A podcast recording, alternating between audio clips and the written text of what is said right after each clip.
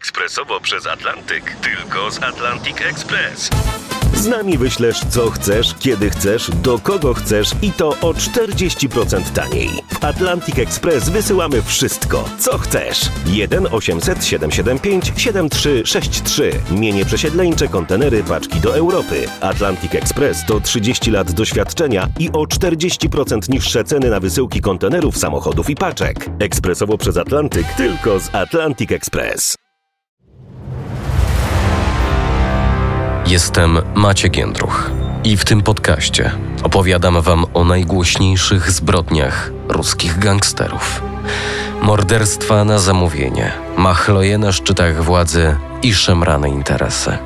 W tym tygodniu przedstawię wam Czeczenów, którzy, jak pisała rosyjska prasa, mieli w garści całą Moskwę i prawdopodobnie morderstwa czołowych opozycyjnych w Rosji dziennikarzy. Zapraszam. Mafia w RMFFM. Kaukaski chaos. Jak Czeczeni mordowali dziennikarzy i trzymali w garści całą Moskwę. Sekwencja pierwsza. Łowcy studentów. Swoją nietypową dla kaukaskich zorganizowanych grup przestępczych nazwę Mafia Lazanska zawdzięcza restauracji Lasagna, która na początku lat 90. znajdowała się przy ulicy Pietnickiej w Moskwie. To tam kiedyś zbierał się cały wachlarz czeczeńskich przestępców. Jak przeczytałem na portalu lienta.ru, w latach 90. kaukascy bandyci mnożyli się w stolicy Rosji z dnia na dzień. Lazańczycy jednak, jak przeczytałem, byli najsilniejsi i prawdopodobnie chcieli zjednoczyć wszystkich bandziorów pochodzących z Kaukazu. W reportażu o lazańskiej grupie przestępczej, na który trafiłem w rosyjskiej sieci, przeczytałem, że jej przywódcy, których prawdziwych nazwisk nigdzie nie znalazłem, poznali się w Moskwie, a dorastali w dwóch różnych miejscach.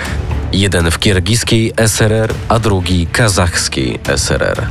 Łączyło ich też to, że poza zamiłowaniem do luksusowego życia i zgarnianiu lewych pieniędzy, wychowywali się w rodzinach Czeczenów deportowanych przez Stalina, co zaszczepiło w nich nienawiść do rodowitych Rosjan. W Moskwie, będąc bezrobotnymi, od razu stworzyli kryminalny duet. Postanowili zacząć od napadów na zagranicznych studentów, których również zastraszali. Ofiary nie chciały kontaktować się z organami ścigania, a grupa bandytów z południa zaczęła się rozrastać. Nikolaj Sulejmanow, jak usłyszałem w materiale opublikowanym na kanale YouTube Druga historia, czyli inna historia, zanim dołączył do lazańskiej grupy, był już doświadczonym bandytą. Jak przeczytałem nawet pierwsze prasowe wzmianki o czeczeńskich przestępcach w stolicy w latach 90., są związane z jego nazwiskiem. Sulejmanow, pseudonim Hoza, był zaangażowany w kradzieże samochodów. Jak przeczytałem w jednym z archiwalnych materiałów, Hoza i jego czeczeńscy wspólnicy grabili barbarzyńskimi metodami. Udawali osoby chętne do zakupu samochodu. Prosili o próbną przejażdżkę z właścicielem, a kiedy się rozpędzali, przy pełnej prędkości wypychali właściciela i odjeżdżali nowym nabytkiem. Z czasem Kaukaszczycy mieli z kim walczyć. Dominacji ugrupowań przestępczych z południa w stolicy aktywnie sprzeciwiały się słowiańskie grupy mafijne. Na przykład członkowie zorganizowanej grupy przestępczej Baumana, choć zdarzały się wyjątki. Walerii Dlugać, pseudonim Globus, o którym opowiadałem w poprzednich odcinkach ruskiej mafii, chętnie współpracował z Czeczenami. Lazańczykom udało się także wytoczyć wojnę członkom potężnej zorganizowanej grupy przestępczej z Sącewa. W nieustannej walce z grupami słowiańskimi Lazańczycy z roku na rok zwiększali swoją siłę. Czeczeni zajmowali się tradycyjnym ściąganiem haraczy. Jednocześnie nie przestrzegali specjalnie terytorialności, dokonując nalotów na firmy i przedsiębiorstwa zlokalizowane w różnych dzielnicach Moskwy, które kontrolowały inne stołeczne grupy, czym bardzo im się narażali. Sekwencja druga. Brutalni mordercy. Czeczeńska mafia zasłynęła z brutalnego traktowania konkurencji. Ulubioną metodą tortur mafiozów było obcinanie dłoni i odsyłanie tak poranionego człowieka jako przestrogę. Kiedy to nie pomagało, łapano kolejnego członka konkurencyjnego gangu i tym razem obcinano więcej członków ciała. W materiałach archiwalnych rosyjskiej prasy znalazłem wiele przykładów tekstów, w których na przykład opisywano znalezione odcięte głowy w dzielnicach Moskwy. Doszło do tego, że Czeczeni zaczęli udzielać franczyzy na nazwę. Jeśli ktoś chciał być postrzegany jako groźny i niebezpieczny, bandyta mógł zapłacić radzie i tym samym chwalić się mianem czeczeńskiej mafii. Przez ponad 30 lat swej działalności Czeczeni byli praktycznie bezkarni. Zmieniło się to dopiero na początku tego stulecia. Pierwszy cios spadł na organizację w 2004 roku, kiedy został aresztowany Omar Bukajew. Tuż po nim wpadł kolejny członek Rady Starszych. Niejako przy okazji odkryto, że Ministerstwo Spraw Wewnętrznych Federacji Rosyjskiej przelewało spore sumy na konta obu ojców chrzestnych. Sekwencja trzecia. Czwarta władza. Kolejnym głośnym przestępstwem zorganizowanej grupy przestępczej Lazańskiej było zabójstwo słynnego amerykańskiego dziennikarza Pola Chlebnikowa, redaktora naczelnego rosyjskiego wydania magazynu Forbes. W 2000 roku Chlebnikow odwiedził Baku i przeprowadził wywiad. 41-letni Chlebnikow został zastrzelony w lipcu 2004 roku w Moskwie w pobliżu redakcji swojego pisma. Oddano do niego co najmniej 9 strzałów z jadącego powoli samochodu. Około godziny 20 czasu moskiewskiego Chlebnikow wyszedł ze swojego biura i w tym momencie z ciemnego samochodu Waz ktoś otworzył do niego ogień. Tak informowała wtedy agencja Interfax, powołując się na moskiewską milicję. Chlebnikow został trafiony czterema kulami. Zmarł w karetce. Wieloletni dziennikarz Forbesa stanął na czele jego rosyjskiego wydania w kwietniu, rozpoczynając od publikacji głośnej listy 100 najbogatszych Rosjan. W Rosji zasłynął w 2000 roku publikacją książki Ojciec chrzestny Kremla Borys Bierzozowski i grabież Rosji, która oskarżała oligarchę o wyprowadzenie z kraju dużej ilości kapitału.